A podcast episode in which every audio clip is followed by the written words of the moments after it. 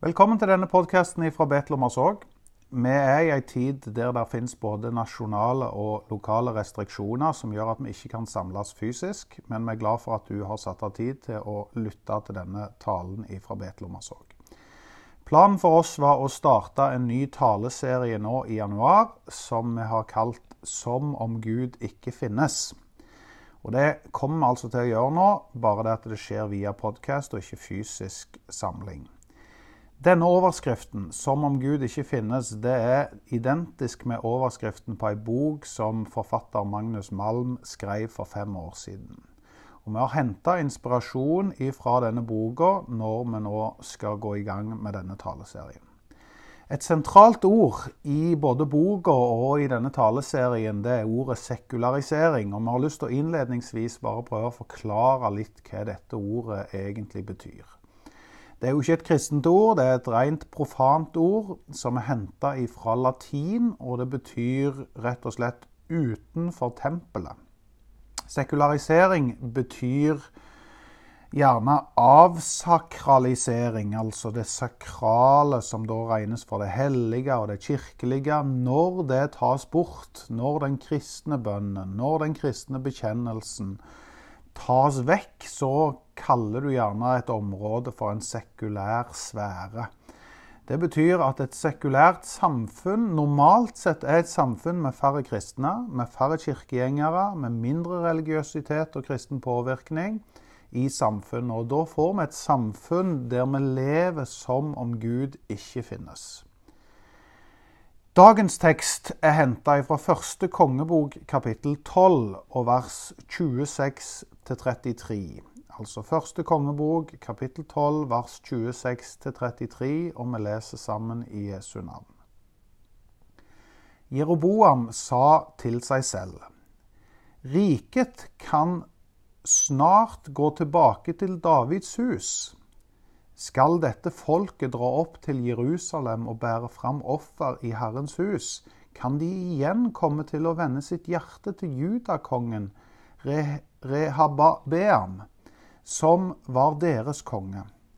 Så dreper de meg og gir seg inn under Rehabeam igjen.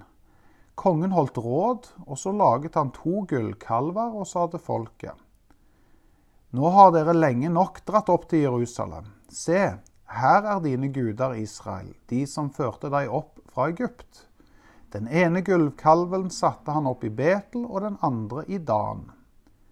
Dette førte til synd. Folket gikk helt til Dan og trådde fram for gullkalven der. Jeroboam bygde også Guds hus på offerhaugen og satte hvem han ville av folket til prester, selv om de ikke var ifra Levis ett. Den femtende dagen i den åttende måneden holdt Jeroboam en fest i likhet med den store festen som feires i Juda, og han bar fram offer på alteret. Dette gjorde han i Betel. Han ofret til kalvene han hadde laget, og satte prester fra offerhaugene som han hadde anlagt, til å gjøre tjeneste i Betel. Han steg opp til det alteret han hadde bygd i Betel. Det var den 15. dagen i den åttende måneden, en dag han hadde valgt helt etter sitt eget hode. Han holdt en høytid for Israel, og han steg opp til alteret for å tenne offerild. Her møter vi altså kong Jeroboam. Han merker at ca. ti av tolv stammer i Israel fortsatt har sin lojalitet til Jerusalem, det som er hovedsetet for Judas stamme. Dette så han som en trussel. Han frykta for sin egen makt. Så hva er det her Jeroboam går i spissen for? Jo, han kjører ikke et forbud, men han sørger for utvanning. Sånn er det ofte med konkurrerende fortellinger. Der er likheter, men allikevel så blir det veldig forskjellig. Det er et uttrykk som heter 'same same, but very different'. Og det var det Jeroboam her gjorde. Han fikk opp to avguder, en i Dan og en i Betel. Og så begynte han å sette vilkårlige folk til prester. Han butta rundt på helligdager og satte sentrale bud rundt sabbaten til sides. Det som var resultatet, at han egentlig lagde en kortere og en åpnere vei for folket til å synde. Med det resultatet at Gud og troen mista terreng, og avgudene vant terreng.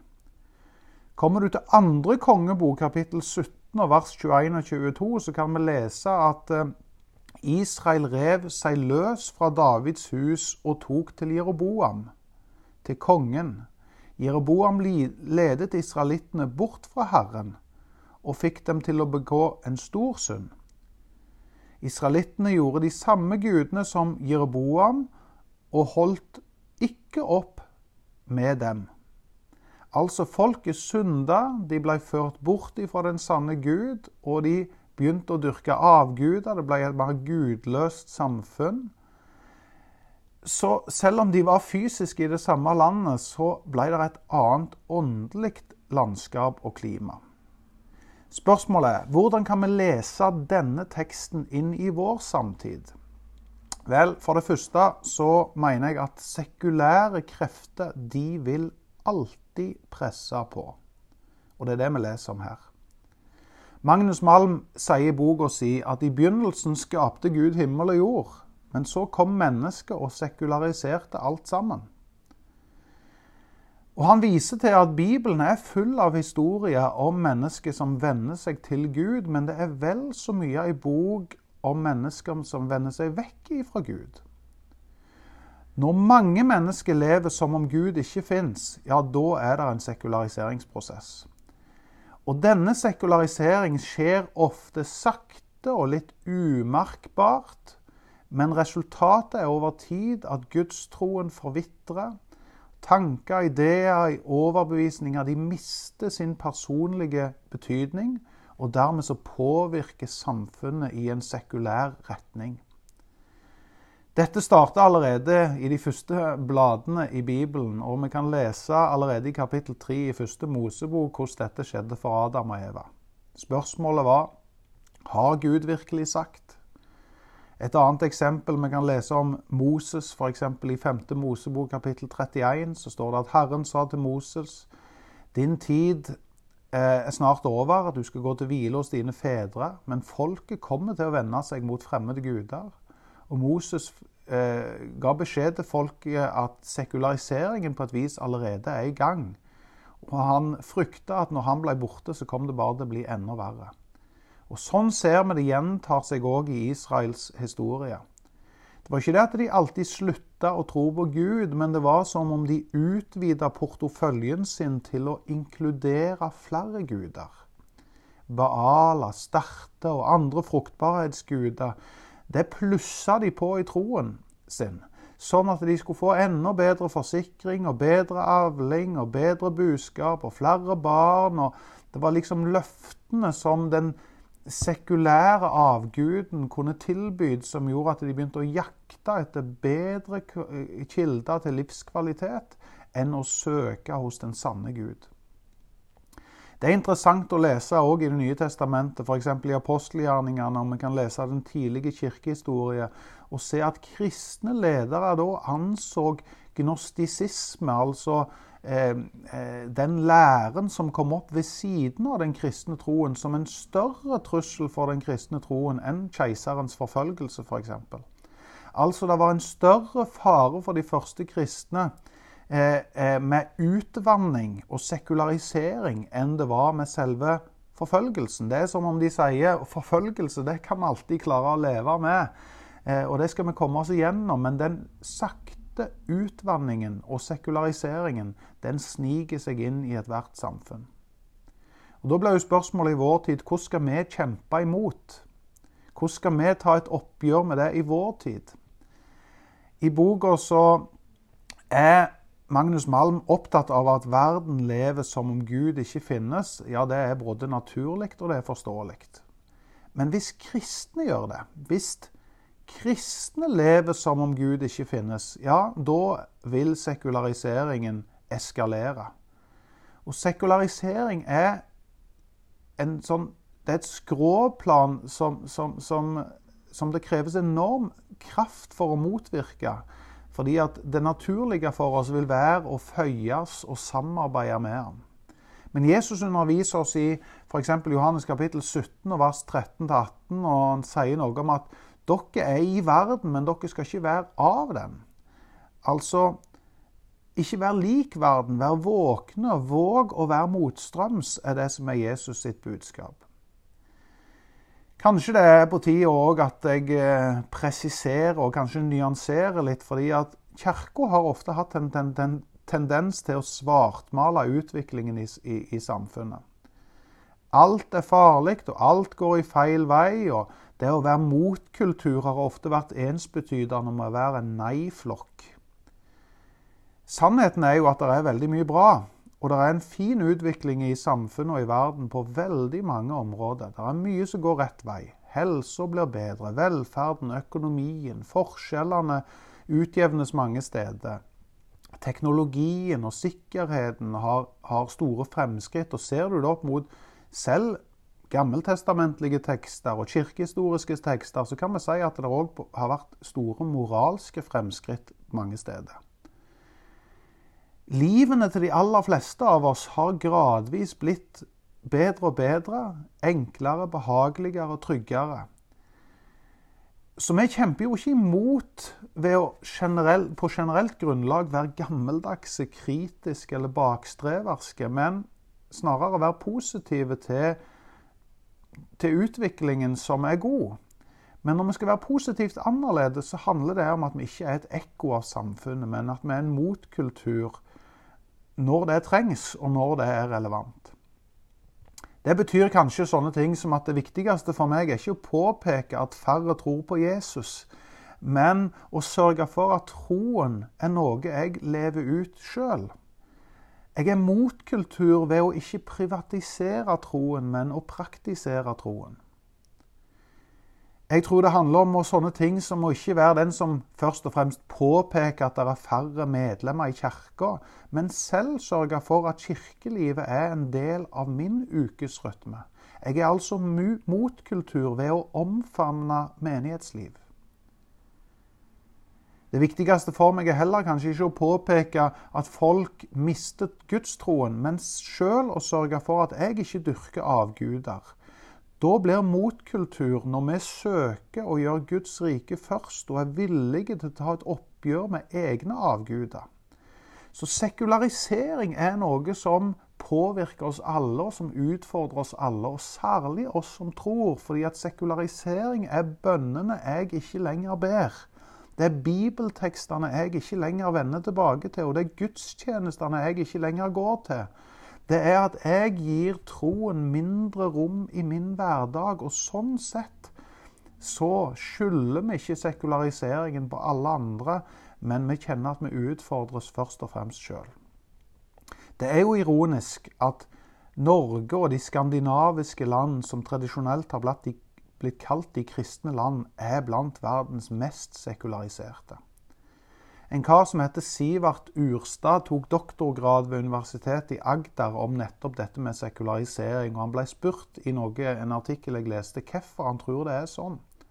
Og Da forklarte han at det sekulære alternativet til gudstroen er så godt utvikla i Skandinavia. Vi har en velferdssystem som gjør at det er skole og helse og sosiale tjenester, rettsapparat og likhet for loven og alt dette med solid helse og solid økonomi og det sikkerhetsnettet, det gjør at vi på en måte har det vi trenger. Som gjør at vi kanskje kaster gudstroen og religiøs tilknytning litt over bord og sier at det er mindre relevant for oss. Altså blir velferdsstaten det sekulære alternativet som kanskje tidligere var i større grad underlagt religion og for vår del kristendom. Og når vi da gir Gud mindre plass, så vil etter hvert troen òg få mindre rom i det offentlige. Et eksempel på dette er jo eh, i Sverige for en eh, seks-åtte eh, år siden, når arbeidsminister Elisabeth Svantesson ble utnevnt som minister i Sverige. Og det var statsminister den gang, Fredrik Reinfeldt, som utropte hun. Og så viste det seg at hun hadde en bakgrunn fra Livets Ord-menigheten. Og da gikk alarmklokken, og den sekulære pressen eh, ropte ut at dette, dette kommer til å gå galt, for nå blander en liksom kristen tro inn i politikk. Og da måtte statsminister Reinfeldt ut og berolige folk og si det at eh, folkens, eh, troen er for henne helt privat, og den kommer på ingen måte til å påvirke hennes ansvar i regjering. Og når den type hendelser skjer, så ser vi at verden er sekularisert. Det blir en trussel at noen bærer med seg en kristen tro som kan påvirke deres beslutninger, f.eks. som politikere. Jeg tror at vi kan kjempe imot sekulariseringen med å bestemme oss for at vi skal positivt være en som representerer Jesus, både som nabo, som venn, som arbeidsgiver og som arbeidstaker. Første kongebok kapittel 12 beskrev hvordan Jeroboam jobbet for utvanning. Og vi kan se i kapittelet etterpå, i kapittel 13, så ser du at Gud trenger å reise opp en røst ifra Juda. Det står en gudemann, står det, som identifiserer og avslører det sekulære, og som kommer inn på Guds vegne og veileder folket. Vi tenker at i denne taleserien så har vi en ambisjon om å være det fellesskapet de gudemennene, de gudekvinnene som løfter opp Herrens ord. Gjennom det så vil vi avslø, prøve å hjelpe og avsløre det sekulære budskapet og prøve å omfavne det kristne budskapet, fordi at på sentrale punkter så kan disse stå som motsetninger. Men om vi klarer å avsløre dem og omfavne det kristne budskapet, så kan vi være en motvekt. Vi skal komme innom mange av disse konkurrerende fortellingene de neste ukene. Den sekulære fortellingen kontra den kristne fortellingen. Dette er viktig fordi vi lever, mange, vi lever så mye av våre liv ut ifra de rådende fortellingene som vi omfavner. Og disse rådende fortellingene ja, de fins både i nabolag, og de fins i praten med, med kollegaene, og de fins i avisen og når vi sjekker sosiale medier. Og Vi trenger å være de som åpner Bibelen og avslører det som er et sekulært budskap, og omfavner det kristne budskapet. Jeg skal ta noen helt få eksempler nå, og så skal vi ta de litt større bolker etter hvert som disse neste ukene skrider fram. I Matteus kapittel 6 så har vi det som kalles bergpreken, en av verdens mest kjente prekener. Der sier Jesus noe om at det sekulære perspektivet det er at folk blir opptatt av hva kroppen og sansene, følelsene, hva øynene våre ser, sånne ting som mat og drikke osv. Det er det sekulære. Det kristne mennesket har òg det usynlige for øyet. Det betyr ikke at vi lukker øynene for mat og klær og de nødvendige ting, men det betyr at vi ikke mister blikket på at det er noe som er en usynlig verden, og at vi òg har det for øye. Den sekulære fortellingen fortelles videre om i Matteus 6. Det er at vi søker beundring og bekreftelse fra omverdenen. Mens det kristne budskapet er at vi skal stå til ansvar for Gud. Det vil si at det livet vi lever i det skjulte, er vel så viktig som det som vi lever i det åpenbare. Det sekulære budskapet det er at livet handler om å tjene penger og bruke penger. Men det kristne budskapet det er at vår dypeste lojalitet er til Gud og ikke til penger. Sånn kunne vi fortsette. Den engelske journalisten Steve Turner han eh, skrev en artikkel om den sekulariserte troen.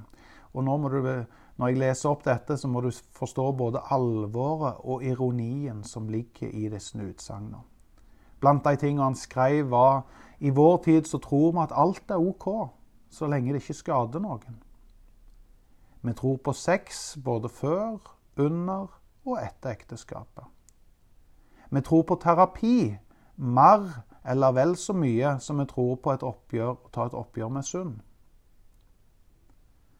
Vi tror på Tabu eller tabu er det eneste ordet som egentlig er tabu. Vi tror at Jesus var en god person, akkurat som Buddha, Muhammed og oss sjøl. Vi tror at Jesus var en god morallærer, selv om vi tror at noe av hans moral var heller dårlig. Vi tror at alle religioner er like gode, selv om vi ikke vet så mye om dem. De tror jo alle på kjærlighet og godhet. Det er bare småting som skiller de, sånne ting som skapelse, synd og himmel og helvete, Gud og frelse. Vi tror at døden kommer, etter døden kommer ingenting. For hvis du snakker med en død person, ja, så skjer det jo ingenting. Vi tror at mennesket er godt, men det er bare hans oppførsel som tidvis svikter han. Vi tror at alle må finne sin egen sannhet, og at den er høyst relativ. Vi tror at det ikke fins noe absolutt sannhet, bare sannheten om at det ikke er noen absolutt sannhet. Hva er budskapet i dette fra journalisten? Jo, felles er at vi dekonstruerer gamle sannheter. Så lar vi nye sannheter se dagens lys. Sannheter og budskap som er mer spiselige i vår samtid, og så ender det opp med at vi går på akkord med Bibelens budskap. Det er som om det Bibelen sier, blir underordna. Resultatet er at vi etter hvert tømmer troen for innhold. Troen blir bare teoretisk. Og når vi tømmer troen for innhold, så vil det bare være et tidsspørsmål om før kirken tømmes for folk. Jesus sa, 'Dere er jordens salt'. Miste dette saltet sin kraft, altså utvannes det, sekulariseres det, ja, så blir det udugelig. Vi har lest i første kongebok kapittel 12 om hvordan det er å vri på historien og vri på sannhetene og sette fram avguder. Det er en god strategi for sekularisering og utvanning. Den sekulære fortelling legger opp til at vi skal leve som om Gud ikke fins. Men Bibelen utfordrer oss til å være det folket som lever som om Gud fins. Amen.